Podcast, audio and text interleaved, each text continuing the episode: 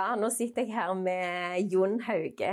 Og vi har akkurat snakket om dette her med at det er ikke alltid så lett å huske navn, men jeg klarte nå i hvert fall å Nå tok du etternavn òg. Nå tok jeg etternavn Ja. Det var tøft. Ja, det var tøft. Og så fant vi ut at jeg ble litt nervøs siden han har spilt inn så mange podcaster sjøl. Så da bare droppa jeg introen, syns jeg syns det ble så kleint. Men jeg, synes- selv om jeg har gjort det mange ganger, så syns jeg introen kan være litt klein, jeg òg. Altså. For du sitter igjen og prater med folk en stund, og så er det sånn OK, men nå trykker vi på rekk. Og da ser du ofte at gjestene blir litt sånn Oi, nå må vi huske det med mikrofonen. Sant? Vi må huske oi, der og der. Og, oi, nå blir jeg litt stressa. Og så forsvinner litt av personligheten deres.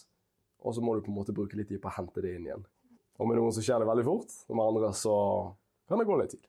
Ja, og så er det sånn, eksempel hvis du må ta den der Ja, hvis du bare er litt stille nå, sånn tre sekunder, og så begynner du å snakke, Ja. og så blir det helt sånn uh, Kan jeg snakke nå? Ja, for det er akkurat som en gang liksom, opptakeren står på, så er personligheten litt sånn litt annerledes. Ja. Og det er jo samtalen før sørger jo for at du gjerne får gjestene til å slappe litt av. og Drikke litt kaffe og litt Red Bull, og Det òg. det hjelper på. Og så Norge er litt sånn at når du da Med en gang du Selv om du har hatt en samtale med dem på forhånd, og liksom flyt og alt er fint, og så med en gang du trykker på rekord, så merker du at eh, stemmeleiet endrer seg. Mm. Det syns jeg er så interessant. Jeg har, noen dager så har jeg podkast-stemme, så da prøver jeg å senke stemmenivået litt. At jeg snakker litt dypere. Men så kan du fort bli veldig engasjert, og så blir toneleiet litt høyere plutselig. Stemmer det. Så er det liksom en helt annen John på slutten av episoden enn hva det var i starten. Ja, ja. Det må jo være lov, det. Så det kan skje. Jeg har jo en veldig høy stemme generelt, det får jeg jo høre ganske ofte. Men eh, hvis jeg prøver å dempe den, så blir det liksom veldig sånn Ja, Nei, Terapistemme. veldig terapistemme, ja. Akkurat. Nei, men eh, kjekt å ha deg her. Takk for at du inviterte meg. Ja. Takk for at Paula anbefalte meg. Ja.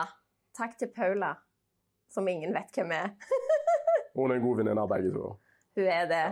Og hun er helt fantastisk. Og eh, hun mente at det, vi passet veldig godt i sammen her. Så det, og det stemte jo.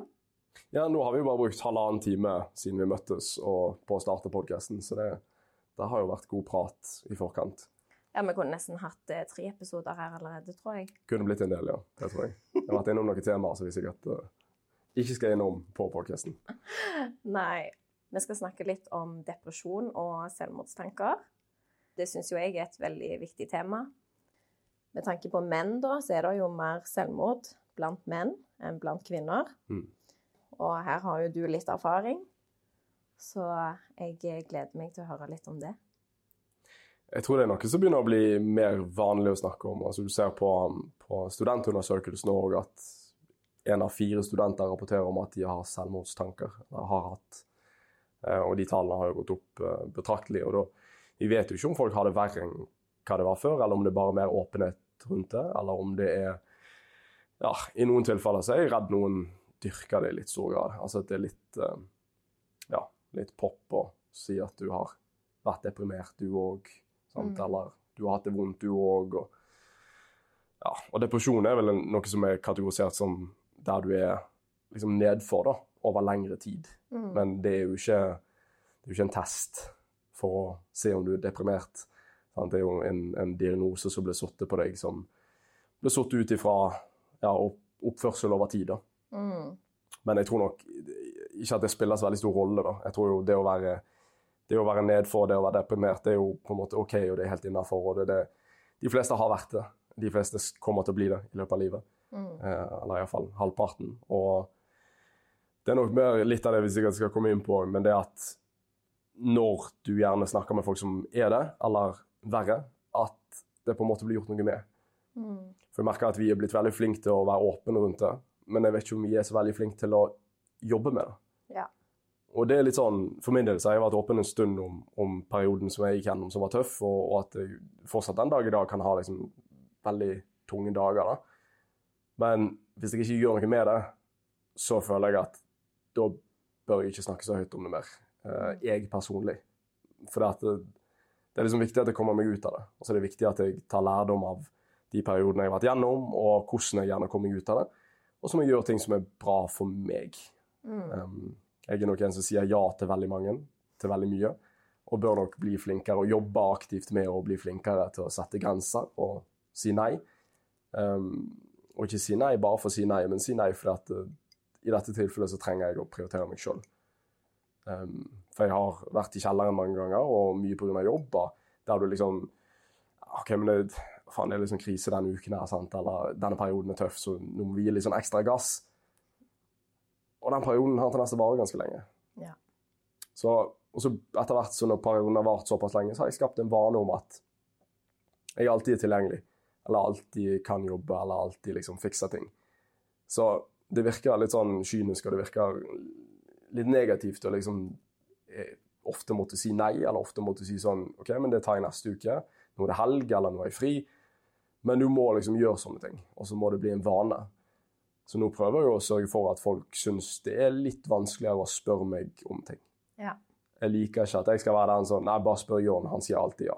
Mm. Det er jeg litt sånn lei av. Det har jeg Ja. ikke lyst på mer. Uh, for jeg har ikke lyst til å si ja til alt. Så ja. Og det er litt sånn Skal ikke si at det var grunnen til at jeg ble deprimert, men, men uh, det er nok noe av det som holder meg litt igjen i hverdagen. Mm. Uh, som, som kanskje ikke gjelder alle, men jeg, eh, men jeg mener iallfall veldig sterkt at eh, når vi er flinke til å være åpne om ting, så er det kanonbra. Det er et megastort steg. Men vi må gjøre noe med det. Mm. Vi kan ikke, vi kan ikke gå rundt og ha selvmordstanker eller gå rundt og være deprimert. Eller. Det er liksom Ja, det, det skjer, og det er innafor, men det er ikke innafor å ikke jobbe med det. Nei. Det må, det må jobbes med. Og det er ikke alle som har ressurser til å gå til privatpsykolog, som jeg gjorde. Noen må gå til offentlig psykolog, og ventelisten der kan være ganske lang. Mm. Eh, noen har ikke venner eller familie som står de nært, eller som de tør å være åpen med. Så det er mange som ikke har muligheten til å jobbe med det, dessverre. Um, men mange av oss som, som har det, vi, vi, må, vi må være like gode forbilder um, for de vi er åpne for, Ja. med at vi jobber med det. Ikke bare si høyt at jeg er deprimert, sånn at du må gå på tær rundt meg. Mm. Det er ikke greit. Nei. Da må jeg, jeg må vise også aktivt at jeg jobber med det. Mm. Så um, ja. Det er litt sånn dagen vi er kommet til, føler jeg. Altså det, nå er ikke åpenhet liksom den store greien med. Nå er det å faktisk sette grenser og ta vare på seg sjøl før du tar vare på andre. Det er Ja, litt mer fokuset. ja, og det, det syns jeg er kjempeinteressant, for det, det har jo jeg lært sjøl òg. Jeg har òg eh, veldig lenge, eller mesteparten av livet mitt, vært en sånn type person som Mm. du beskriver. sant? Eh, ja, spør hun. hun. Hun fikser alt. Hun Mm. eh, sier ja til alt. Jeg har liksom alltid vært den som tar ansvar for alle andre, skal hjelpe alle andre. Og da, da blir det jo mindre fokus på deg sjøl. Og det kan òg føre til at man får en depresjon eller får en knekk. Og jeg har, har sant, hatt den der tanken om at herlighet, må jeg, jeg må lære meg å sette grenser og si nei. Mm. Og det føles så unaturlig. Sånn som du sier, det er, det er en jobb.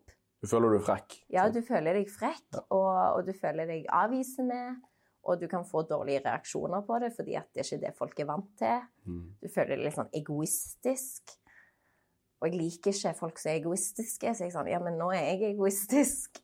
Men, men det er sant, man må jo Hvis ikke du tar vare på deg sjøl, så kan du ikke ta vare på andre. Og det er jo det, er jo det du beskriver òg, at det, i hvert fall hvis det er vanskeligere perioder, eller eh, perioder der du trenger å ta mer hensyn til deg sjøl, så må du jo gjøre det først og fremst. Jeg tror det er litt av utfordringen òg med, med Jeg jobber jo innenfor treningsbransjen og, og med helse og sånt, og der ser vi jo at de fleste er jo inaktive. Og alle vet jo effekten av å være i bevegelse, og alle vet hvor viktig det er. Alle vet hvordan de kan gjøre det i veldig stor grad, men de gjør det ikke. Og det er nok fordi at de har for høye forventninger til hva som er godt nok.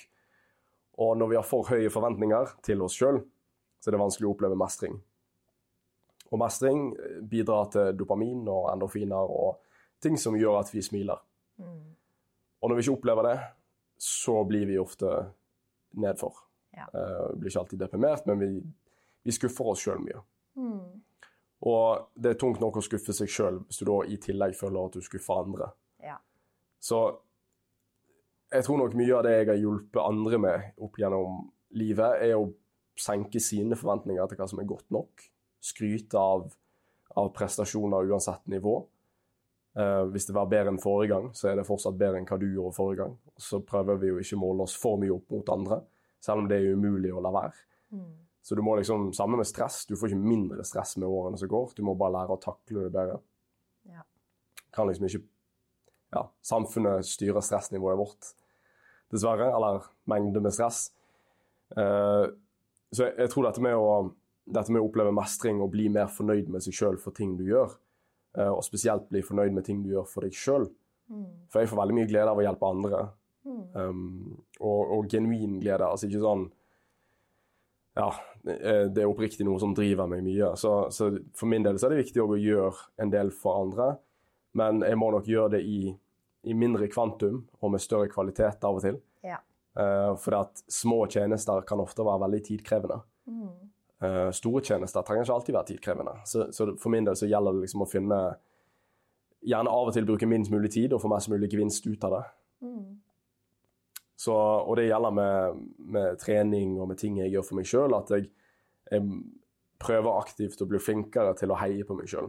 Ja. Og være fornøyd når folk sier liksom Ja, men det og det er jo, det er jo jæklig bra, liksom. Og så har jeg en tendens til å si sånn ah, men det er liksom Det er noen som gjør det bedre. sant? Mm. Uh, og det Ja, det virker så ufarlig, egentlig, men det er kjempenegativt. Og det, det, det er veldig, ja, veldig skadelig. Og for min del så har jeg nok levd alltid sånn i treningsbransjen. Det er liksom Ja. mye prestasjon. Uh, du lever rundt folk som presterer bedre enn deg, folk som ser bedre ut enn deg. Eh, det er mye doping involvert, selvfølgelig, så du vet jo at mye av det som skjer, er kanskje du konkurrerer med. Men etter sosiale medier kom òg, så får du jo bare printa flotte kropper opp i trynet og prestasjoner og ah, Jeg vet ikke. Det, det Standarden er veldig høy, da. Ja. Og så må du på en måte Selv om standarden er høy, så må du nok Kanskje, kanskje det ikke er så lett å senke standarden alltid for seg sjøl, men du må iallfall se at OK, jeg har tatt steg på veien mot disse standardene, da iallfall. Mm. Eh, kanskje. På en eller annen måte så må du iallfall finne ut hvordan du kan hvordan du kan styrke ditt eget selvbilde. Ja. Eh, for det er veldig lett å rive ned. Og jeg har hørt mye, sånn, mye podcaster eller mye sånn eh, reels i det siste òg, med klipp fra podcaster, der folk sier at hadde, hadde andre vært så kritisk til meg som jeg er til meg sjøl, så hadde jeg jo ikke hatt lyst til å være rundt disse folkene. Stemmer det. Um, og til en viss grad så er det nok bra å være sånn kritisk med seg sjøl òg, for du, jeg syns at alle skal forvente av seg sjøl å levere på et høyt nivå rundt andre. Uh, ikke hver dag, men generelt sett så skal vi Vi lever i et samfunn der vi er nødt til å være rundt andre, og da må vi både tilpasse oss og hjelpe til og, og bidra til fellesskapet. Mm. Um, så det må jo være en viss standard der, men du må liksom få lov til å duppe litt nedpå, du må få lov til å ha dårlige dager. Og så er det den balansegangen mellom eh, hvor lenge skal du få lov til å ha det sånn før du går over til å dyrke det. Ja. For det er så lett når du har det vondt, å bare ville være i den, liksom, den mørke boblen. Mm. Så det er tungt. Det å grave seg ut fra liksom, de dypeste dagene. Mm. Og det er nok den evnen som jeg har fått nå. Ja. At jeg er blitt flink til når ting faller veldig dypt, så vet jeg hva som skal til. Jeg vet at OK, men sitt i det. Det går over. Ja. Uh, men de første gangene, eller første gangen jeg liksom opplevde depresjon og motgang på den måten, så, så føltes det ut som det aldri skulle ta slutt. ja, og det er jo det det ofte gjør. Så Mm. det er litt sånn bra lærdom å ta med seg. Jeg, jeg tror nok de fleste har nok godt av å gå på en smell og to, og ikke bare med, med trening og sånn som jeg holder på med, men med livet. At du Folk har godt av å møte litt motgang, da. Og så må du jo passe på at eh, enten folk får hjelp, eller at motgangen ikke blir så stor at det ikke er noe mer igjen der. Um, Ja. og det Jeg vet ikke, ønsker jo ingen vondt, men for å få litt perspektiv på hvordan det er da, å møte motgang, så um, Ja. Og så er det alltid lett å måle motgang opp mot andre òg. Er De er har hatt det verre. Eller hatt det verre enn meg. To av mine beste venner har eh, migrert til, eh, til Norge fra Syria og vært gjennom et realt helvete. Mistet alt de har, eh, til en viss grad familie. um, alt de hadde av eiendeler, penger, alt. Og bygget seg opp igjen på nytt igjen i Norge. da. Og blitt skutt på sant? og bombet og, og liksom ja, vært nærmt å dø veldig mange ganger på ekte. Mm. Og veldig lett for meg å liksom si at nei, men det som skjedde med meg, er jo ikke like galt som skjedde med deg. Og de var veldig tydelige med meg og sier at men ditt verste, din verste opplevelse er like gale som min verste opplevelse. For alt er jo perspektiv, og, og alt er liksom Ja, det vondeste jeg har opplevd, det er liksom det vondeste jeg har opplevd. Sant? Det er min bunn. Ja. Og for de ser er òg det deres bunn. Og de kan kanskje gå gjennom det som jeg har gått gjennom, og så tar de det bedre. Kanskje fordi at de har opplevd noe som de følte var verre. Ja. Men jeg har ikke opplevd krig. og Jeg har ikke opplevd å bli skutt på eller å miste alt jeg har. og sånne ting. Og da Ja.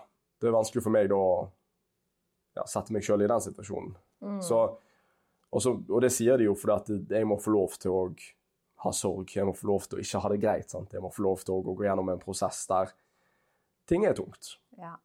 Jeg kan liksom ikke bare skubbe sånne følelser under teppet fordi at andre har hatt det verre. Nei, nei, men eh, jeg tror jo det er veldig naturlig å, å tenke sånn òg, da. Fordi de fleste av oss er jo veldig selvkritiske til oss sjøl. Mm. Og det er jo òg, sånn som du sa, hvis du hadde hatt en venn som var så kritisk til deg, til deg som du er, så ville du ikke vært venn med de. Jeg ville jo ha venner som heier på meg. Ja, og det er jo det samme med den der Ville du sagt til deg sjøl Ville du sagt det til en venn, det du sier til deg sjøl? Mm. Du hadde jo aldri sagt det til en venn. Og det òg syns jeg det er en så enkel på en måte greie, men samtidig så er vi veldig selvkritiske Mm. generelt, og det tror jeg de fleste er. Men det er òg veldig viktig å ta de små seirene. Mm. Jeg òg har liksom begynt med det. At eh, si jeg hadde forventninger til i dag skal jeg gjøre sånn og sånn og sånn. Og sånn. Og så har jeg kanskje gjort to av ti ting. Og da er det jo mye lettere å være stygg med meg sjøl. Og 'herre min, hvorfor fikk du ikke gjort det og det og det?' Istedenfor å si 'OK, men i dag har jeg gjort sånn og sånn'. Mm. Så kan vi ta det i morgen. Og på en måte heller klappe deg litt på skulderen for de tingene du faktisk har fått til. Men det er jo en omstilling, altså mentaliteten. Ja, absolutt. Og det er den treningssaken òg. Altså, det er den, det er den um, At det må jobbes med. Altså, for jeg, jeg skal ikke si at ikke andre ting som kunne fått meg deprimert, men jeg vet i alle fall at høye forventninger til meg sjøl og mye, mye selvkritikk og, og litt vel høye forventninger og standard eh, gjør at det er vanskelig for meg å nå opp. Mm. Og da blir ting tungt, da. Altså, Ja. da, da er det lett å møte motgang. Så eh, Jeg vet ikke om vi skal spole tilbake inn til når liksom, dette her begynte for meg, men jeg, jeg har liksom ikke opplevd Jeg har egentlig ikke opplevd mye motgang i livet mitt eh, fram til jeg ble 28, i alle fall. Eh, alt har egentlig gått veldig bra. Jeg ble mobbet på barneskolen i, i noen år, i fire-fem år. og ja, ble dessverre mobba tilbake igjen i et år, halvannet der. Um, og det er sånne ting som ah, Det, skjedde nå. Det har nå lært av det og vokst på det og tatt kritikk for det og tatt um, Ja, generelt lærdom av det, da. Mm. Eh, og, og etter det så har liksom ting bare rullet og gått. Det har ikke vært noe sånn å klage på. Opplevd lite dødsfall i familien.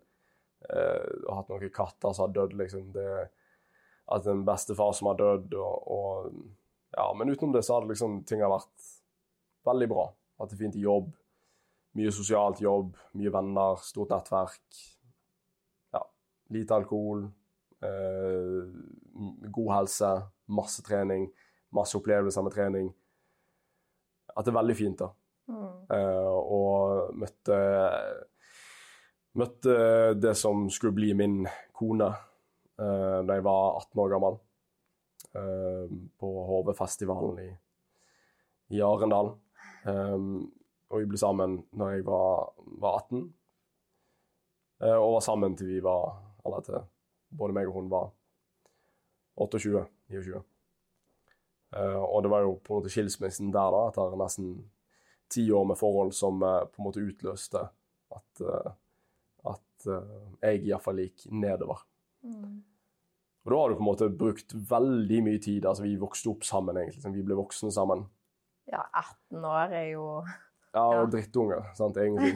Så, og det var et, var et veldig bra forhold, sant, og familiene var veldig tett. Uh, ja, og du blir liksom, du bygger jo på en måte fremtiden sammen, nesten fra dag igjen. mm. Så du vet på en måte hvor du skal bo, og du vet alt, og du vet ditt, og du vet datt, hvor du har lyst til å dra på ferie. Så det er liksom sett vekk fra på en måte hva som skapte skilsmissen, så du blir liksom Du sier takk og farvel til veldig mye. Altså Hele virkelighetsoppfatningen din av hvordan du trodde resten av ditt liv skulle være, forsvinner. Mm. Og for min del så var nok det veldig mye sånn Når, eh, når det ble slutt, eller når jeg gjorde det slutt, så, så sa jeg òg opp jobben min som PT. Og jeg tok en del valg som var veldig sånn deilig å ta. Det føl- føltes voksen ut. Mm. Føltes som jeg gjorde noe for meg sjøl. Og det var veldig godt. Eh, og rett etter det så begynte jeg på friidrett, begynte med sprint. Og trente tre og en halv time hver eneste dag eh, i nesten et helt år. Og jeg tror jeg var oppe i 11, 1150 treningstimer i, i 2019. Og det var ganske, ganske ekstremt. Um, og på det tidspunktet når det ble slutt, og i et par måneder fram, eller et par måneder etter det, så bodde vi i mitt barndomshjem som vi hadde kjøpt et par år tidligere. Um, I de to-tre månedene etter vi gjorde det slutt, så, så bodde vi fortsatt sammen og pustet opp. Eh, Totalrenoverte kjøkken, tok en del sånn siste finish-ting og gjorde ganske mye jobb med det. Eller jeg gjorde majoriteten, for å være ærlig. Men, men Og så solgte det et par måneder senere. Ja. Og så bodde jeg der alene i et par måneder. Og igjen hadde dårlige dager, og ting var liksom tungt noen ganger. Men generelt sett så hadde jeg lite bekymringer. Hadde god økonomi. Um, trente ekstremt bra. Jeg gjorde veldig mye gøy utenom jobb. Hadde ikke mye ansvar på jobb. Så jeg hadde det veldig, hadde det veldig lett. Og så ble jeg godt ivaretatt av venner, eh, og hadde et par venner som sto meg veldig nærmt, og som jeg var med og trente med hver eneste dag. Som uh, gått gjennom tøffe ting sjøl, som, uh, som hadde kontroll på meg. Mm. Jeg følte nok at jeg ikke trengte å ha kontroll på, men, uh, men de hadde kontroll iallfall. Og var obs og var observant og fulgte med. Eh, og så uken jeg flyttet ut av huset og flyttet ned i en leilighet som jeg skulle bo i rundt fire måneder før leiligheten som jeg skulle egentlig flytte inn i, ble klar. Eh, da, det var liksom De fire månedene som jeg bodde der, var liksom de mørkeste. For da begynte jeg med en gang med en gang jeg kom ned der, så begynte jeg å skyve folk unna. Og fra jeg flyttet inn der, til eh, Altså fra jeg flyttet inn, så gikk det tre eller fire uker før jeg forsøkte å ta mitt eget liv. Første gang. Eh, og i en veldig lang periode, i sikkert iallfall tre måneder, så våknet jeg opp hver eneste dag, og så var jeg OK, dette, dette er liksom siste dagen. Mm. Det er noe jeg Nå er jeg fornøyd, på en måte. Nå er jeg ferdig. Um, og det var egentlig bare fordi at jeg følte ikke jeg hadde følte ikke jeg hadde mer å bidra med, egentlig. Så du isolerte deg helt når du kom? Ja, ikke, ikke Altså Ja, mye fritidsmessig, ikke jobb. Og jeg tror ikke noen på jobb merket noe oppførselendring. Og jeg tror med tanke på at, uh, hvordan jeg så ut, og jeg hadde igjen solgt huset, jeg hadde god økonomi, mye nye klær, kjøpte bil. Visuelt så så det ut som jeg hadde det veldig bra. Mm. Og jeg har alltid prøvd å kle meg akseptabelt bra og, og prøve å se fresh ut og liksom full frykt for å lukte svette og, og sånne ting. Så jeg liksom skal alltid prøve å liksom oppta meg fint. da. Så jeg tror nok illusjonen av at hvordan jeg hadde det, var nok veldig bra. Og jeg brukte ikke sosiale medier veldig mye, men postet litt om trening og litt sånn andre ting. Og igjen, det så nok ut som jeg hadde det ekstremt bra. Men med tanke på hvordan du egentlig hadde det, var, altså, var det sånn at du bevisst på en måte spilte et skuespill da for at folk skulle tro du hadde det bra, eller var det bare, skjedde det bare automatisk? Ja, jeg, jeg er ganske opptatt av hvordan folk opptar meg. Mm.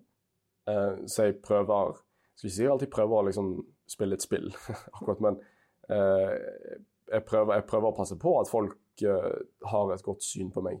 Mm. Um, og på det tidspunktet så var nok Altså når jeg var på trening, så var på en måte alt fint. Da var jeg på trening. Da var liksom Tenkte ikke på noe annet. Nei. Eh, jeg, tror, jeg tror ikke jeg var innom liksom vonde tanker da jeg var på trening i det hele tatt, hele året. Men utenom så var jeg ganske ensom. Og det var jo min egen skyld. Men eh, Jeg vet ikke, jeg tror bare distansjonen fra, fra hvor hvor dårlig jeg hadde det, og hvor vonde tanker jeg hadde, til hva folk trodde var så stor, at jeg følte at det ble helt absurd å fortelle folk at jeg ikke hadde lyst til å komme på jobb på en måte i morgen. Um, og så ville jeg jo på en måte ikke Jeg ville ikke at noen skulle hjelpe meg. Så du fortal, fortalte du ingen Nei. Hvordan du egentlig hadde det? Nei. Nei. Men de her vennene, da altså, For du fortalte jo i noen måneder før det, før du flytta inn i den leiligheten der du på en måte nådde Mm. bånd, da, så hadde du noen nære venner som du trente med og sånn. Det fortsatte du med ja, etter du flytta? ja, men jeg tror nok de Altså, jeg bare Jeg var jo på trening og var jo på en måte på jobb rundt disse folkene. Mm. Men jeg var nok mer sånn Jeg var nok bevisst på at jeg var litt ferdig. Og da var jeg på en måte Orket ikke liksom åpne meg opp på samme måte. Orket ikke at de liksom skulle grave. Mm. Um, orket ikke at de liksom skulle prøve å redde meg. Ja. Um, jeg hadde bestemt meg, så jeg var liksom ferdig. Uh, og jeg hadde ikke heller lyst til at For jeg visste gjerne hva som kom òg, og hvis jeg hadde sagt det til noen, eller hadde sagt det til noen nå, for så vidt, så denne talen med åh, men du har så mye å leve for, og ditt og datt, og Ja, men jeg må jo Hvis ikke jeg syns det sjøl, så var jeg liksom ferdig med det. Jeg var Jeg ville ikke, og jeg vil fortsatt ikke leve fordi at andre forventer at jeg skal gjøre det. Mm. For at alle bryr seg mest om seg sjøl.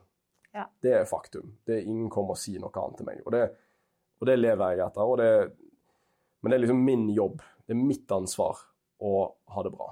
Mm. Ingen andre skal gjøre meg lykkelig. Det er jeg som skal gjøre meg Andre kan gjøre meg lykkelig, men det er, ingen, det er jeg som har hovedansvaret for min egen helse, psykisk, fysisk.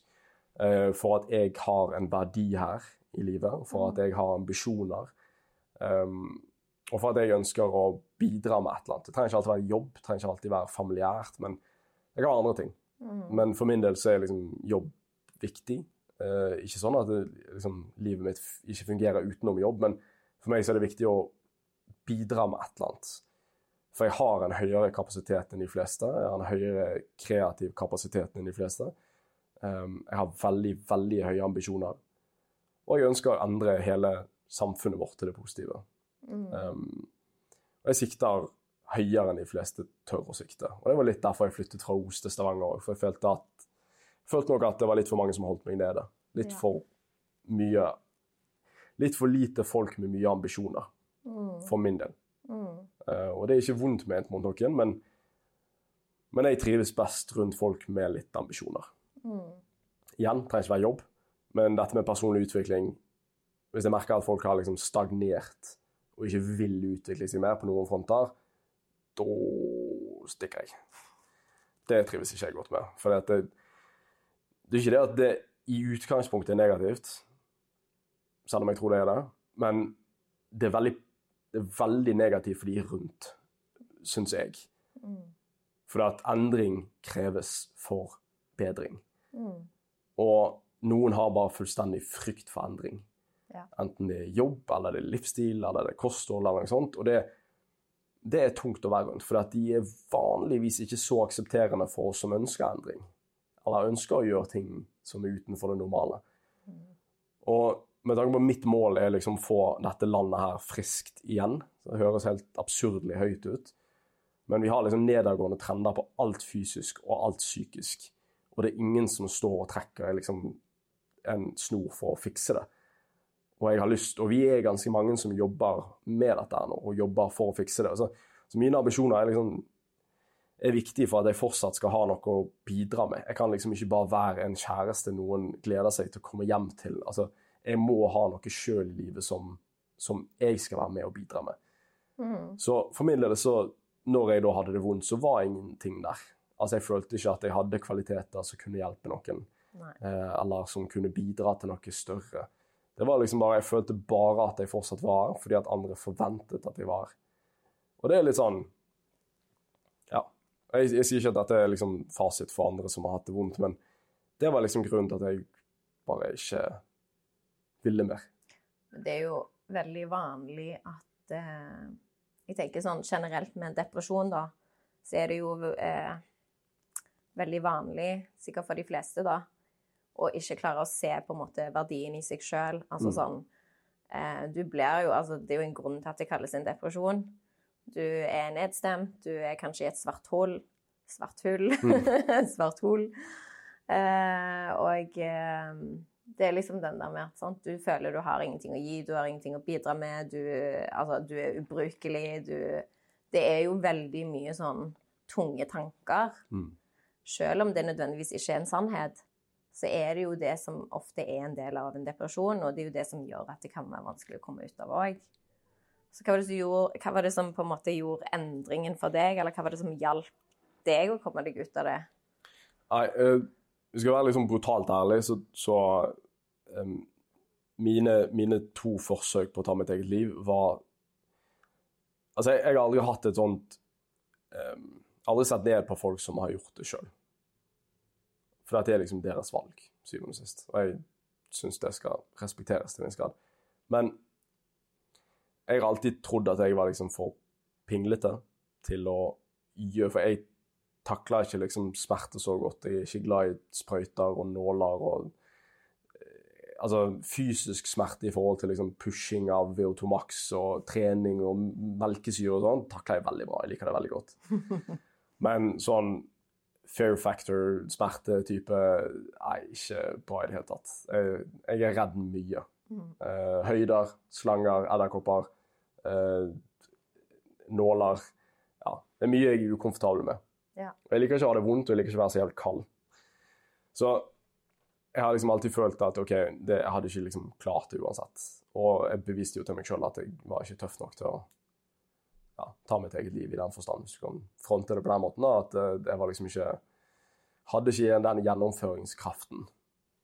Um, og for min del så i Slutten av januar 2020 så skulle jeg flytte inn i en leilighet som eh, var liksom på en måte underetasjen i et hus som en, en, av mine beste venner hadde bygd et par år før. Mm. Der bodde han med kjæresten sin i liksom toppetasjen. og et veldig fint hus på toppen av Halhjem i Os. Og svær leilighet med høyt under taket og ja, alt helt nytt, dritfint. Og det var et sted jeg ville bo òg. Um, ikke at det var tilfeldig at det var hos han, men det var et sted jeg ville bo. Mm. Så jeg skulle egentlig flytte ut, eller jeg skulle flytte ut i slutten av januar. Og det som er spesielt der ute, er at hun Maria, som, eh, som er kjæresten til Lennart, som er mine venner som bor der ute, hun mistet moren sin til selvmord når hun var yngre.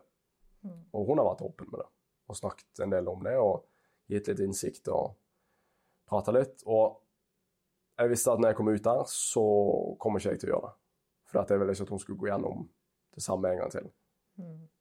Um, og det høres litt sånn teit ut, for jeg, jeg kunne jo bare gjort det et annet sted. eller jeg kunne bare... Men for min del så For min del så var jeg ganske bevisst på at jeg ikke ville at det var noe nære som skulle finne meg. Jeg ønsket at det var Ikke at det ikke vondt ment mot noen andre, men jeg ønsket at det skulle være eh, politi, eller det skulle være eh, for så vidt en nabo, eller et eller annet sånt. Jeg ville ikke at det skulle være jeg ville ikke at noen av vennene mine skulle oppleve det. Mm. Derfor var det å gjøre det på jobb eller noe sånt, det var liksom helt uakseptabelt. Jeg kunne ikke Ja. Det, jeg gjorde det liksom ikke for oppmerksomhet, og jeg ville ikke at det synet der skulle være noe noen av mine venner måtte leve med resten av livet, eller familie. Mm. Så andre gang jeg prøvde, så, så skulle jeg egentlig vært i USA sammen med familien min. Men jeg, eh, med tanke på at dette var noe jeg hadde planlagt, så valgte jeg å dra hjem to dager før, eller tre dager før de skulle dra hjem. Så på julaften 2019 så dro jeg hjem fra, fra, USA. Og to dager etterpå, før foreldrene mine kom hjem, så, så prøvde jeg gang nummer to. Um, men fikk ikke gjennomført det. Um, og for min del så snudde det i starten av januar, for da fikk jeg en telefon av uh, det som er en av mine beste venner, som heter Christian, en av mine beste venner som heter Christian Martinussen. Min kollega og medeier i, i selskapet som jeg jobber i, eller et av de. Og han ga meg liksom muligheten til å bidra med noe. Uh, jeg har alltid drevet med alltid vært, altså Jeg har vært PT i åtte år før jeg kom til PT-gruppen. Og alltid likte å lage videoer og sånne ting. Og syntes markedsføring var gøy, og ha en utdannelse innen markedsføring. Og ja, alltid syntes de tingene var spennende, da, og drevet med det mye sjøl. Han ga meg liksom muligheten til å komme inn i et selskap som skulle endres, som skulle bli nytt, som hadde ambisjoner. Uh, og det passet meg som hånd i hanske. Og jeg har selfien som jeg tok av meg sjøl på utsiden av det som da var Bergen PT-senter, etter jeg hadde hatt intervju med de første gang. Eller den ene gangen. Og der står det bare 'Ser ut som PT-upen har fått seg en ny markedssjef'. Uh, og jeg bare, når jeg ser på det den dagen i dag, så ser jeg liksom at det var dagen liksom ting snudde. Det snudde nok en uke og to før når jeg ble invitert til det møtet og liksom kunne sitte og skrive ideer og sånt. For da følte jeg med en gang at jeg hadde mening med ting. Og for meg så var det viktig å finne ut av det sjøl, og ikke at andre skulle overbevise meg om at dette var et liv verdt å leve. og jeg måtte liksom, Dette måtte jeg sjøl komme fram til. Så motivasjon er sånn et rart ord som jeg har et sånn rart forhold til. For jeg, jeg, føler ikke at vi burde trenge motivasjon for å gjøre ting. Uh, og vi beviser for oss sjøl hver dag at vi gjør ting som vi ikke trenger motivasjon til å gjøre. Så motivasjon er et sånn tåpelig ord som Vi bruker det som unnskyldning for å ikke gjøre ting. Nei, jeg mangler motivasjon. Nei, fuck off. Bare gå og gjør det, for vi gjør så mye annet i livet eh, som vi ikke trenger motivasjon til. Så Disiplin? Disiplin er, er et bedre ord. og, og, vi er egentlig ekstremt disiplinerte, for vi gjør sinnssykt mye av disiplin. Mm. Men av en eller annen grunn så bruker vi mangel på disiplin eh, i enkelte øyeblikker i løpet av dagen til å skylde på at åh, oh, nei, jeg orker ikke gå og trene, eller jeg orker ikke gjøre ditt eller datt, eller jeg orker ikke ta oppvasken, eller åh, oh, sant? Men disiplinen er egentlig der. Sånn Men hvis du absolutt Ja, ja. Det er en annen diskusjon. Så, men for min del så var det liksom det var, det var, viktig for meg å finne ut av dette her sjøl. For at uh, den dag i dag, et par år seinere, så jeg har ingen dårlige tanker om hvordan jeg hadde det da. Altså, det er ikke sånn jeg sitter nå og tenker sånn åh, oh, kan ikke tro at jeg tenkte det. Jeg er 100 innafor forstått med at jeg tenkte sånn. Det, helt, det, er helt greit. Jeg skjønner hvorfor. Mm. Jeg har full forståelse for valgene jeg sjøl tok. Um, jeg følte meg ikke syk da, og jeg føler meg ikke jeg føler ikke etterkant at jeg var syk da heller. Bare, det var det rasjonelle valget for meg å gjøre. Mm. Og igjen, hvis ikke jeg ønsker å leve pga. hva jeg ønsker sjøl, så hvem er andre til å stå i veien for det, sånn egentlig?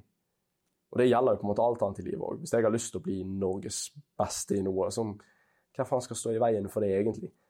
Sånn, jeg, I utgangspunktet så kan vi gjøre hva vi vil, men det er liksom, jeg er veldig misforstår meg rett, jeg er veldig glad for at jeg ikke gjennomførte det, og at jeg gjør det en dag i dag.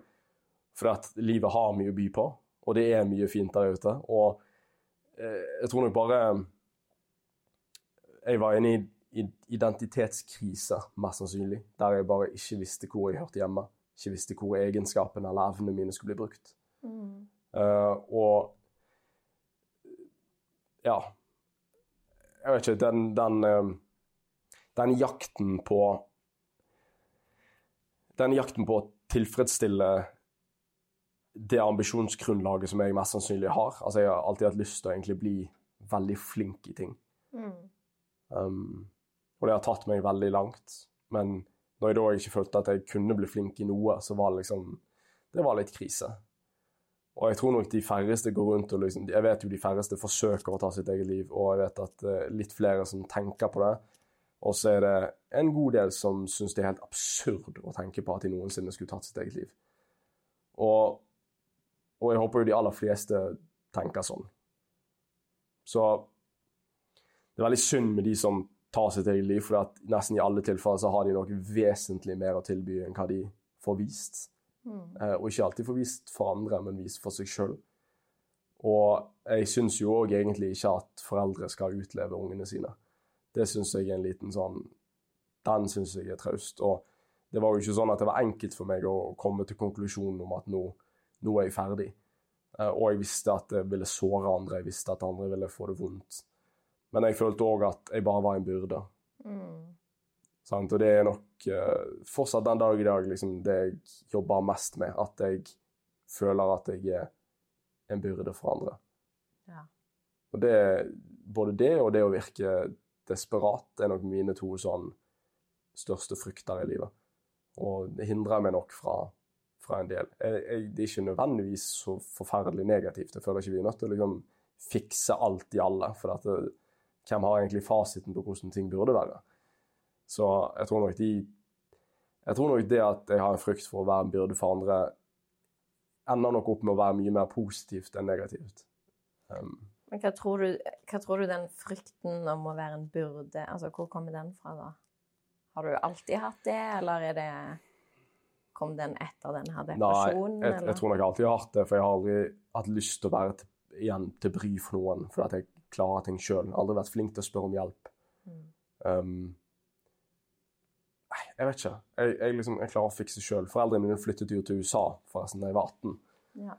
Og uh, mitt valg Jeg kunne jo vært med, men jeg eh, ble igjen og ønsket å være igjen. og jeg, vet ikke, jeg skal ikke si det var da det snudde, men jeg har jo vært mye alene siden jeg var liksom 14-15 år gammel. Foreldrene mine reiste på hytten. Jeg var hjemme og spilte fotball og fotballkamper og sånne ting. Jeg har vært vant til å klare meg sjøl. Mm. Jeg liker å være selvstendig, og, og ja, jeg liker ikke at andre skal føle de må passe på meg eller liksom rydde opp etter meg. eller sånne ting. Jeg syns det er tåpelig. Jeg synes, jeg, og Nå skal jeg være litt brutal, men jeg syns menn som har kjærester som er nødt til å plukke opp etter de hjemme liksom, og uh, ta oppvasken deres eller ta, Jeg syns sånn er tåpelig. Altså det, det, jeg har ingen respekt for sånt. Jeg syns folk må ta opp etter Og det gjelder damer òg. Folk skal plukke opp etter seg sjøl. Liksom, og det sånn, det gjelder ikke liksom isolert rote hjemme. Eller sånt. Det gjelder bare i livet generelt sett. Jeg syns Mm. folk, har, folk har ansvar for seg sjøl. Og, Ja. og jeg syns det er svakt å forvente at andre skal gjøre deg lykkelig, eller forvente at andre skal fikse ting for deg, eller Og, og til, til meg, med meg så går det nok mer til det ekstreme, med at jeg liksom Jeg tar mye stolthet i å klare ting sjøl. Mm. Og jeg går bare én gang fra bilen med handleposene inn. Altså det, det går fra ja, det, det som betyr noe, til det som ikke betyr noe. Men jeg, jeg, jeg tar mye stolthet i å klare å fikse ting sjøl som andre ikke klarer. Og jeg, jeg syns det er gøy å være bedre enn andre, og jeg, jeg, jeg drives veldig av å prestere bedre enn andre. Mm. Um, for at det, og det, det er ikke så vanskelig, for å være helt ærlig.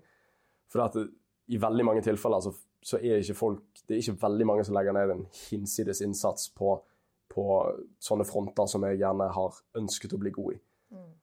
Uh, veldig mange er veldig OK med å bli ganske god i noe. Og de aller fleste er veldig gode i noe. Men jeg har lyst til lyst til å bli sensasjonelt god i noe. Ja. Jeg har en veldig stor fascinasjon for idrettsutøvere som er best i verden. Veldig stor fascinasjon for markedsførere eller vloggere eller youtubere som bare er best i verden. Altså som, som bare nailer ting. Mm. Og ingenting er liksom umulig. Nei. Og det viser folk hver eneste dag. Mm. Og dette er sånn det er veldig sånn overfladiske ting jeg ønsker å bli god i. altså. Så det, det, er sånn, det å være en, en, en god venn eller en god far eller en god uh, kjæreste, altså sånne ting vil jeg jo absolutt òg være ekstremt god i. Men med tanke på at livet liksom bare skjer en gang, så er det sånn jeg liker å utfordre meg på nye ting. Mm. Jeg er veldig glad i å være dårlig i ting, for det betyr at det er veldig lett å bli mye bedre i det. Det er sant. Men jeg tror bare det er så mange muligheter som du kaster vekk, og det er så mye opplevelser som du kaster vekk med å ikke legge ned din innsats for å bli veldig god i noe. Mm. For jeg merker de siste tre årene, når jeg har lagt inn en innsats i PT-gruppen for å bli ekstremt god på det jeg gjør, så for det første endte det med at jeg møtte kjæresten min, eh, samboeren min, eh, og fikk en nydelig hund og hest på kjøpet. Eh, og for det andre så har det endt med at jeg har liksom gjerne firedobla nettverket mitt. Og ikke bare nettverket av Facebook-venner, men av folk jeg kan sitte meg ned og slå av en prat med. Mm. Eh, og folk som heier på meg. Mm. Det har endt opp med at jeg har liksom fått muligheter som jeg som PT på gulvet på Arctic Os utenfor Bergen aldri trodde var mulig.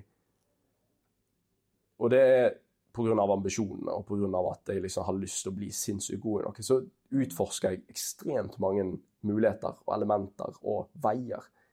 Uh, og jeg er alltid åpen for å snakke med noen. Og det er så mange ting i livet mitt som åpner seg opp fordi at jeg har tatt meg ti minutter ekstra til å prate med noen. Så ja. Jeg tror det bare Ja. Jeg vet bare at hvis jeg skal bli veldig god i noe, og hvis jeg skal endre, endre liv, som er ironisk nok mottoet til eh, Eller slagordet til PT-gruppen, så, så må jeg gå litt lenger enn andre går. Mm. Uh, og jeg er ikke sånn der jobbe hardest-kultur, for det syns jeg er motbydelig. Det der jeg er mest timer på jobb. Det er jæklig enkelt å, å være på jobb. Sitte alltid med PC-en, liksom. Det betyr ikke at du er produktiv, det betyr ikke at du får noe gjort. Um, og jeg gjør ting i mitt tempo, og ikke sånn, ikke sånn sykelig opptatt av å imponere andre. Men jeg er liksom opptatt av at um, at jeg skal ha kontinuitet i arbeidet mitt. da. At det, mm. liksom, det skal helst skje fremgang på en eller annen måte. Um, og i det som både meg og deg jobber med, markedsføring og sånn, så er det ikke alltid fremgang i, i, våre yrker er så tydelig fra uke til uke. Det er sant. Um, jeg er jo merkevarebygging, det er det jeg syns er gøyest, og det tar jo ofte år ja. Uh, å gjenkjenne effekten av. Ja. Så ting jeg drives av, er nok um, Selv om det er overfladisk, så er det nok uh, veldig mye der som, som ikke jeg får sånn instant feedback på. Mm. Eh, og da må jeg liksom ha ambisjoner og tro nok på meg sjøl at OK, men det gir andre en tro på at vi kommer der til slutt. Mm. Det ble en litt sånn diffus avsporing, men Men for min, for min del så, så kom jeg meg ut av depresjonen pga. covid, egentlig. Okay. Jeg elsket covid. Jeg, synes var, jeg savna det hver eneste dag. Ok, Så hva mener du med at du kom deg ut av depresjonen pga. covid? Eh, Når covid kom? Ja, fordi vi ble isolert. Og okay. jeg har aldri, aldri trivdes godt med å være alene. Aldri trivdes godt med å være i fred og ro. Nei. Men med covid så måtte jeg det. Ja. Og jeg fikk en litt annen ro over meg. Altså jeg ble litt sånn OK, men ja. Trives med å være alene. Jeg kjenner meg veldig igjen i det. ja, og jeg, jeg, det er mange som er litt overraskende sier det, men jeg fikk jo kjempegod tid til å sykle. Jeg svømte en del, for vi hadde tilgang til basseng. Uh, jeg fikk vært med nære venner, altså veldig nære venner, ganske mye. Mm. Jeg hadde det kjempefint. Det ble ehm. på en måte et annet fokus? Ja, og så fikk jeg, fikk jeg tid til liksom nå må, du, nå må, du, faen jobbe med dette. Altså Nå må du bli ferdig med dette. Legge ja. det fra deg.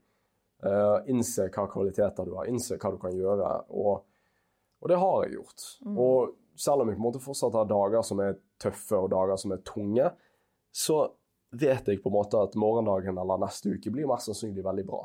Mm. Så ja, for meg så var covid en sånn realitetssjekk. At du Jeg bare ble virkelig tvunget til å gå litt i meg sjøl og få litt tid for meg sjøl.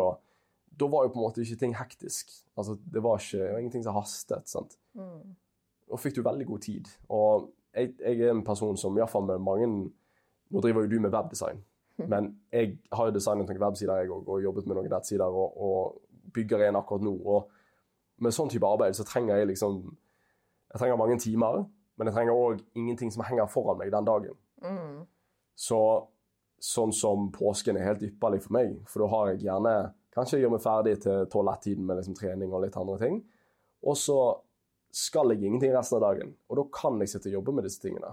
Jeg vet det. Det er perfekt. og, så, og sånn er hjernen min, liksom. Så, så, i covid så Mye av det som jeg har gjort de siste tre årene, eller to og et halvt årene etter liksom, iallfall den første isolasjonsperioden var ferdig, det har jo på en måte kommet til relasjon av at jeg eh, sliter med det ordet, manifesterte det.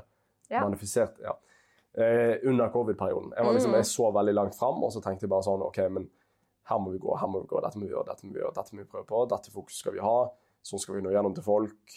Um, og, så, og tanken, tankene var der før covid kom, da, men det ble liksom veldig sånn OK, vi må gjøre noe nytt. Vi må gjøre noe som ingen andre har gjort før. Uh, vi må prøve å endre og profesjonalisere hele treningsbransjen. Okay, hvordan skal vi gjøre det? Eh, vi må komme oss inn og jobbe med helsevesenet. Hvordan skal vi gjøre det? Mm. Hva tråder skal vi trekke i? Hvem skal vi ta kontakt med? Hvordan skal vi bygge merkevarene våre etter å få sånne type kunder?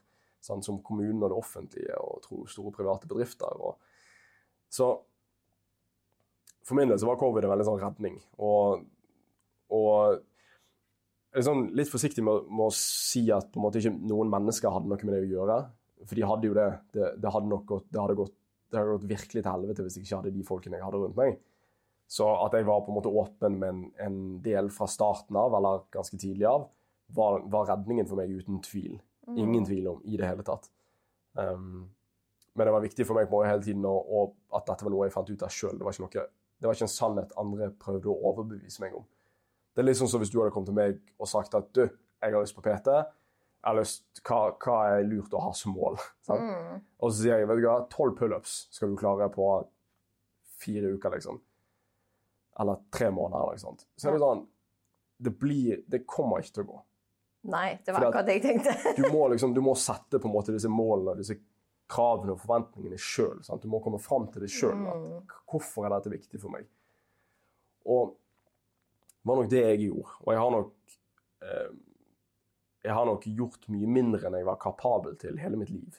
Fram til covid.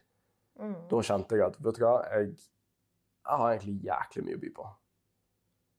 Um, og det var ikke det at oi, jeg, gikk ikke rundt og tenkte åh, det var så glad jeg liksom kom meg over den tunge perioden og liksom fortsatt lever. Jeg var bare litt sånn OK, men det var en erfaring rikere. Ja. La oss ha det i bakhodet, og la oss tenke på at vi ikke skal havne der igjen. Mm. Og så fant jeg ut hvordan jeg skulle havne der igjen, eller hvordan, hva var det som forårsaket det. Ja. Sant? Og selv om det var en skilsmisse som liksom satte ting i gang, så var det nok, det var nok kanskje mer òg som måtte ryddes opp i. Og jeg trives så sinnssykt godt med meg sjøl når jeg er veldig åpen om høyt ambisjonsnivå. Åpen om at jeg ønsker å vise at jeg kan bidra til endring. Mm. Um, ja.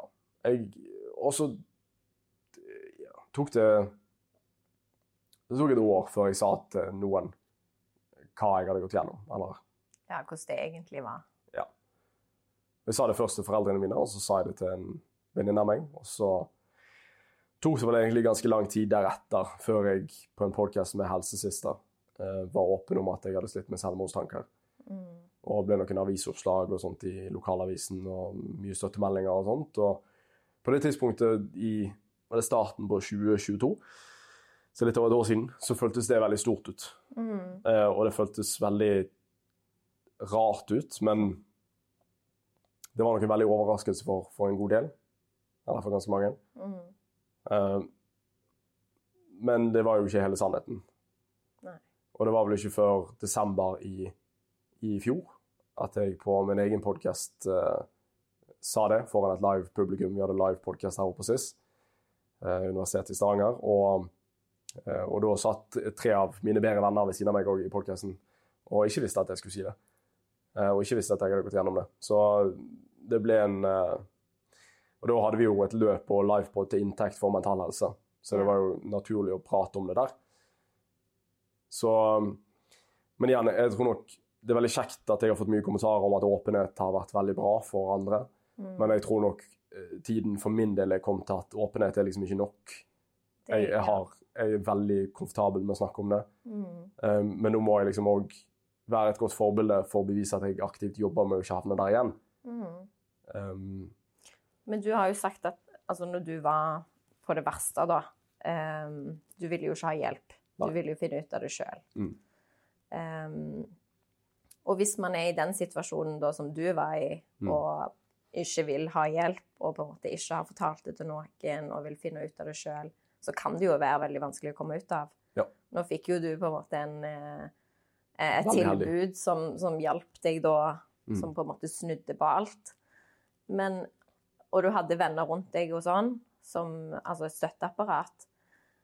Hva, altså siden, nå visste jo ikke de alt, men, men hva, hva var det de gjorde rett, på en måte? Altså, hva, hva hjalp de deg med uten å vite om det? Nei, de visste jo at jeg ikke hadde det bra, på en måte. Altså, De visste Mm. at ting var tøft, men de gjorde vel egentlig ingenting spesielt. Altså, de, jeg tror nok um, Jeg skal ikke snakke for alle, men jeg tror nok min største frykt med å være åpen om, om det, er at andre skal behandle meg som at jeg er sånn. At det er meg, liksom. Noe, det er han som har psykiske lidelser, eller han Ja. som har slitt psykisk. For at det, igjen, og det går nok på jenter og Eller jenter og gutter, men med oss gutter hvert så er det veldig sånn status. Alt er status. Sant? Alt handler om enten rikdom eller utdannelse eller jobb eller eh, ja, bil eller klokker eller alt ubetydelig crap liksom, som, som egentlig ikke har så mye å si. Så du vil liksom ikke at folk skal synes mindre om deg. Mm. Eller synes synd på deg. Ja, eller se på deg som at du er svak. Ja.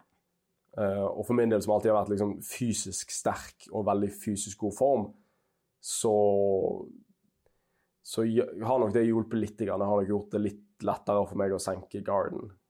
Um, vil jeg si for min del, iallfall. Men allikevel så er det jo Av og til så går jeg liksom Jeg går og tenker på det av og til hva de gjorde, for jeg blir spurt om det av og til, men jeg, jeg tror oppriktig de ikke gjorde så veldig mye. Nei. De var liksom bare De var venner. stede. De var til stede, og vi gjorde ting. Og det var ikke sånn de, de fikk ikke meg til å føle meg som en Altså at de hadde en støttekontakt, liksom. Ja. Sant? Og det, det tror jeg er liksom veldig viktig at uh, Det er veldig kjekt at folk bryr seg, men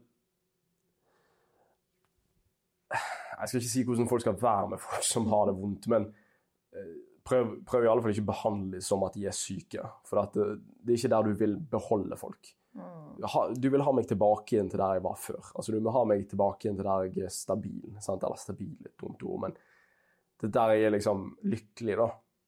Sant? Ja. Og, og da er nok det der å hjelpe å bygge folk opp er nok det viktigste. Ikke bare når de er deprimert, men det er jævlig viktig sånn ellers. Det er viktig å bygge andre opp. Mm. Um, det er viktig å være positiv rundt andres prestasjoner og få folk til å innse at prestasjonene deres er veldig gode, og at de har mye verdi. Så jeg, jeg tror liksom ikke folk som er deprimerte eller selvmordstanker eller noe sånt de, Og og det er ikke farlig å spørre om heller. Sånn, folk må vite at Og dette er ikke, dette er ikke min sannhet. Dette er liksom ja, nok av leger og psykologer som, som backer med forskning og spørreundersøkelser og alt. Sannsynligheten hvis du spør meg om jeg har selvmordstanker, og jeg har det, eller om jeg har vurdert å ta mitt eget liv, det bidrar ikke til at jeg får mer lyst til å ta mitt liv, eller det bidrar ikke til større sannsynlighet for at jeg gjør det. Det bidrar definitivt veldig stor sannsynlighet for at jeg ikke havner der igjen, eller at noe blir bedre. Det er, det er ikke tabu å, å spørre om. Altså, du, kan ikke, du kan ikke bare gå rett opp til noen og spørre om det, men hvis du merker at folk sliter og merker at de har det tøft, så er det, det er mulig å finne ut hvor tøft er det de egentlig har det. Sant? Og hvor, hvor langt nede er de egentlig. Mm. Um, for er du der som jeg var, så, så trenger du nok hjelp. Mm. Uh, men ikke bare hjelp. Det snakket vi om før podkasten òg. At det, det er greit å ha folk der som har gått gjennom de samme tingene. Det, det hadde for så vidt jeg ikke, ikke nødvendigvis en så dyp depresjon, men som hadde gått gjennom andre lignende ting som var relevant til, min situasjon. Så eh, jeg tror det bare det er viktig å, viktig å få folk tilbake igjen der du, der du vet at de bør være. Mm. Sånn, Få de til å få selvverd og få de til å gjerne skjønner sjøl at eh, de kan bidra med mye, og at de kan, kan gjøre mye ting, kan oppleve mye ting. Eh, at de ikke har lyst til å gå glipp av sånt. For det er jo det du gjør. Hvis du tar ditt eget liv, så går du glipp av resten eh, av det som potensielt kunne vært det. Så ja, ikke, Det er ingenting spesielt, føler jeg. jeg. Jeg tror det og det er sånn rart å si med at du har folk som har fem og syv års utdannelse, doktor og grad i psykologi og alt mulig, men litt bevegelse, litt aktivitet. Uh, du bør iallfall ikke sitte i ro. Mm. Det har jeg ingen, ingen forståelse for, at folk ber folk ikke trene. Mm. Trening bør du gjøre. Det, det i, i seg sjøl vil nok ikke løse alt, men det vil definitivt bli verre uten. Ja, ingen, ingen respekt for råd som kommer fra folk uh, der du får beskjed om å holde deg vekke fra trening. Uh, for det er ikke forskning i verden som viser til at det gjør noe negativt med hjernen. Mm. Tvert imot. Det er få ting som gjør så mye positivt som med hjernen som bare bevegelse. Mm. Uh, med kroppen òg, men, men da å være i bevegelse med noen. Ja. Enten det går turer eller gjør ting i frisk luft eller fri natur. Men dette er igjen ting som på en måte det er noe du bør gjøre med venner og familie til vanlig, som er friske.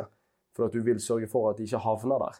Mm. Og da vet vi at disse tingene hjelper. Så nå har vi en, en, en, en eh, psykolog um, som het Egil Martinsen, som jobbet veldig mye sammen med, med Johan Kagstad, som mange har hørt på Tour de France um, i mange, mange, mange år.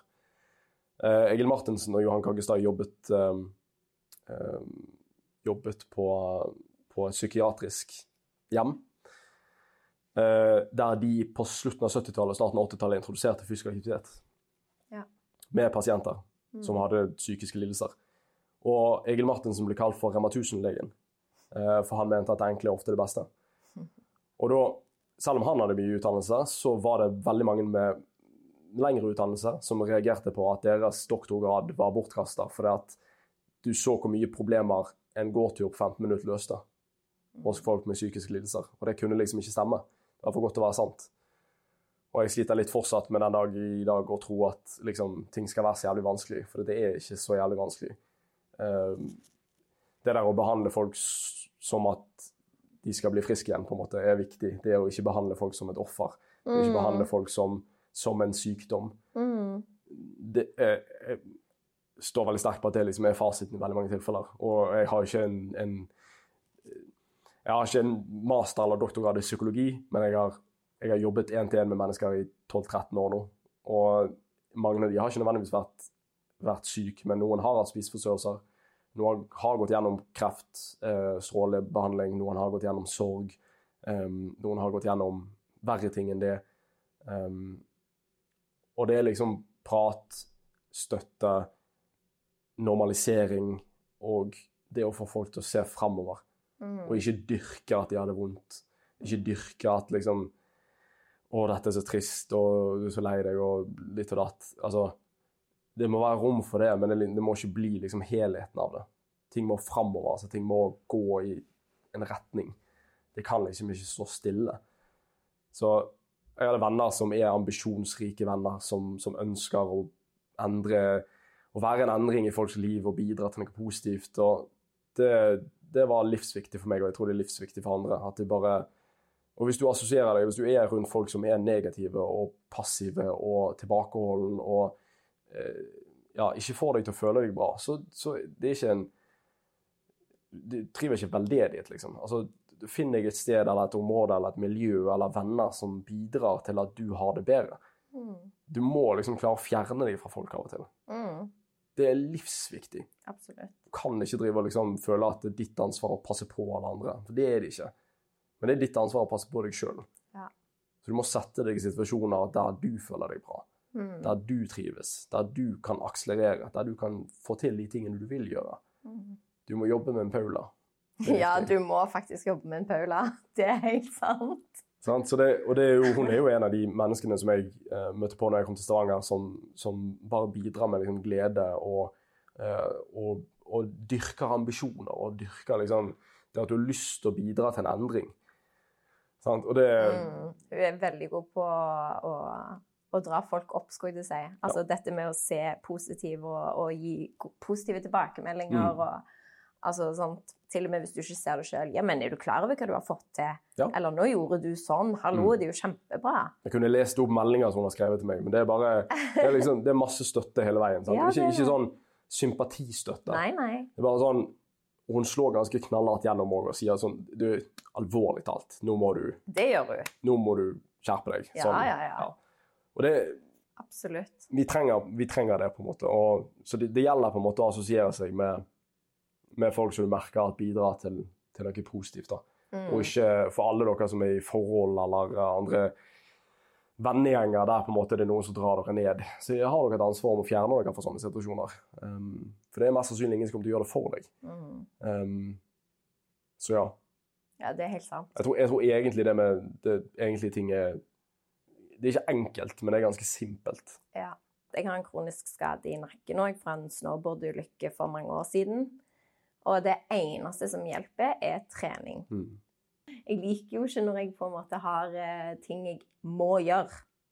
Den der mentaliteten sånn Jeg må trene. Mm.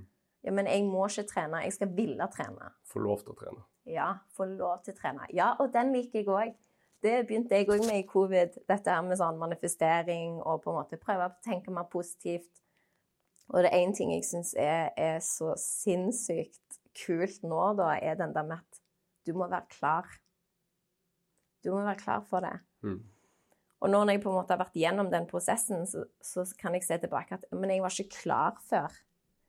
Og nå har jo jeg blitt en av de der folka som eh, manifesterer og har en lapp på speilet mitt på badet der det liksom står You are beautiful, you are loved, you are safe. Altså, mm. sant? Og før så tenkte jeg bare Herre min, du er jo helt ko-ko. Men altså, det gjør noe med deg. Det funker, det. altså. Og det gjør det. Hvis du står opp hver dag og du sier det til deg sjøl, mm. det gjør noe med deg.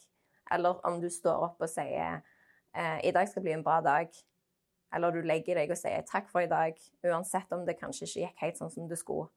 Altså, Vi har jo sett at folk klarer å gjøre seg selv syke med bare å tenke på at de er syke. Akkurat. Så det, vi har en enorm kraft over kroppen vår. Altså Hjernen vår kan gjøre, kan gjøre mye. Så, så hvis vi sier at dette her er bra, sammen hvis du møter på utfordringer ok, Dette er en utfordring, ikke et problem.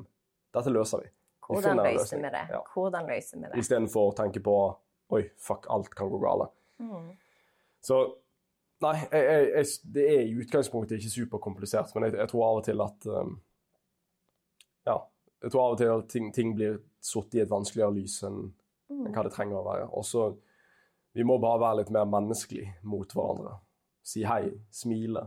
Spør Ja. hvordan det går, spør hvordan uken er. Sant? Har du mye å gjøre på? Er det noe jeg kan hjelpe deg med?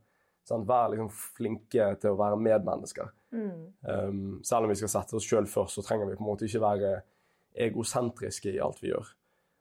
Sant? så ja, det er alltid en fin balansegang, men vi måtte ikke, måtte ikke glemme å, å bare smile til hverandre. Hvis vi glemmer det, så er det mye annet vi glemmer òg. For det er det enkleste vi kan gjøre.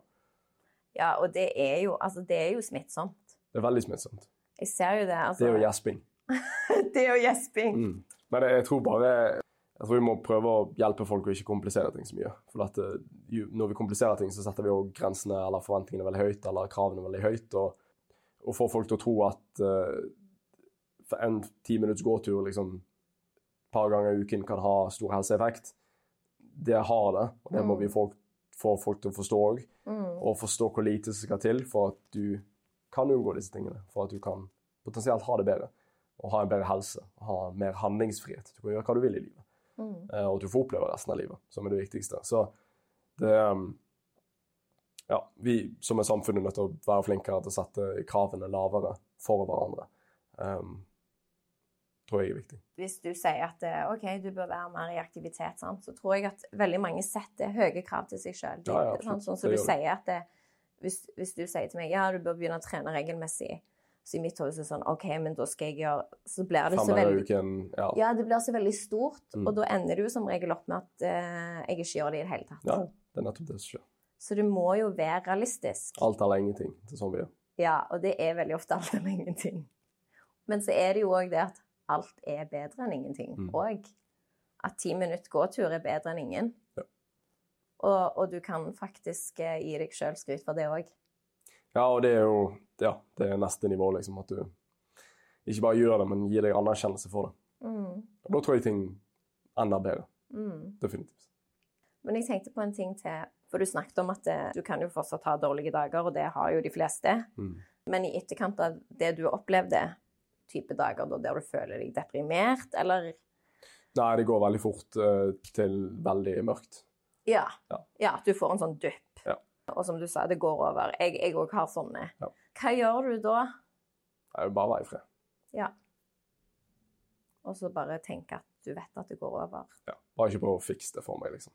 Jeg vet det, det er liksom en dårlig dag må jeg Ja. kunne ha for meg sjøl, på en måte. Så Ja. da sier jeg bare fra til samboeren min at stressa i dag, liksom. La oss uh, Ja. bare ikke push, på en måte. Nei.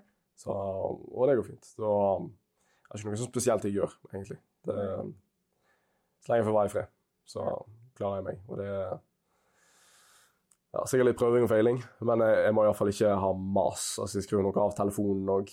Jeg vil liksom ikke ha noe jobbmas og sånne ting. Ingenting er så viktig at det er viktigere enn min helse. Mm. Så um, da får ikke folk tak i meg. Nei. Da er jeg uh, inkognito. Ja. Og så går jeg garantert lengre tur med hund, og jeg, jeg trener mest sannsynlig ikke, for det gidder jeg ikke på sånne dager. Nei. Men um, gjør et eller annet for meg sjøl. Gå og kjøpe noe god mat, eller lage noe god mat, eller Ja, jeg vet ikke. Ser på gamle videoer når jeg løper, eller sjekker litt Strava, eller bare prøve å finne liksom Prøve å finne noen sånne små positive ting, uten at det, det føles ut som det trykt ned i halsen på meg. Ja. Og så må jeg helt ærlig slå et slag for sitte og se litt på reels av og til, eller YouTube, eller et eller annet, for det gjerne tar deg ut av hverdagen. Mm. Og plutselig så sitter du og smiler og ler litt. Uh, og i dag så holdt jeg på å begynne å grine av en reel med en sånn Harry Potter-reel. Uh, og den blir morsommere og morsommere for hver gang du ser den. Og jeg, jeg så den sikkert 25 ganger, og jeg bare kjente at nå er jeg, helt, jeg er så fuktig i fjeset, for det bare Jeg griner av Det var så morsomt. Ja. Og det var en, en liten, liten gutt som kommer liksom kommer med sånn kledd ut som Harry Potter, og så eh, Er det den med bilen? Nei, Nei. men han har en sånn tryllestav, og så liksom sier han noe sånn som du ikke forstår, da, mot faren. Og så sier faren eh, et eller annet 'that's cute', bla, bla, bla, og så kommer den der ah, 'hva er det, hva er det for?' tilbake igjen. Og ungen kvepper, og liksom, ja, hele settingen var dårlig forklart, men eh, du duk, dukker opp noen av sånne, da. Algoritmen min er veldig god på akkurat sånn type humor, og som passer meg, selvfølgelig. Naturligvis.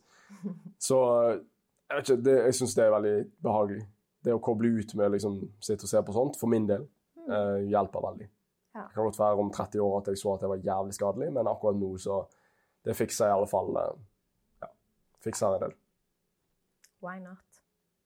Hva de sier? Do what works, skulle jeg til å si. Gjør det som funker for Don't deg. change a winning team. Ja.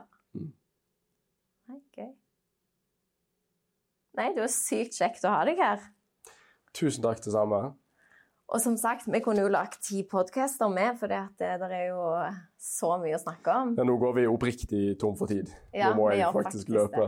Men dette var en god avslutning, så det passet veldig bra. Yes. Nå har vel du en sånn innøvd outro, outro, outro har ikke du det? Så du skal si? Jeg kan jo ikke ha det nå når du har sagt det.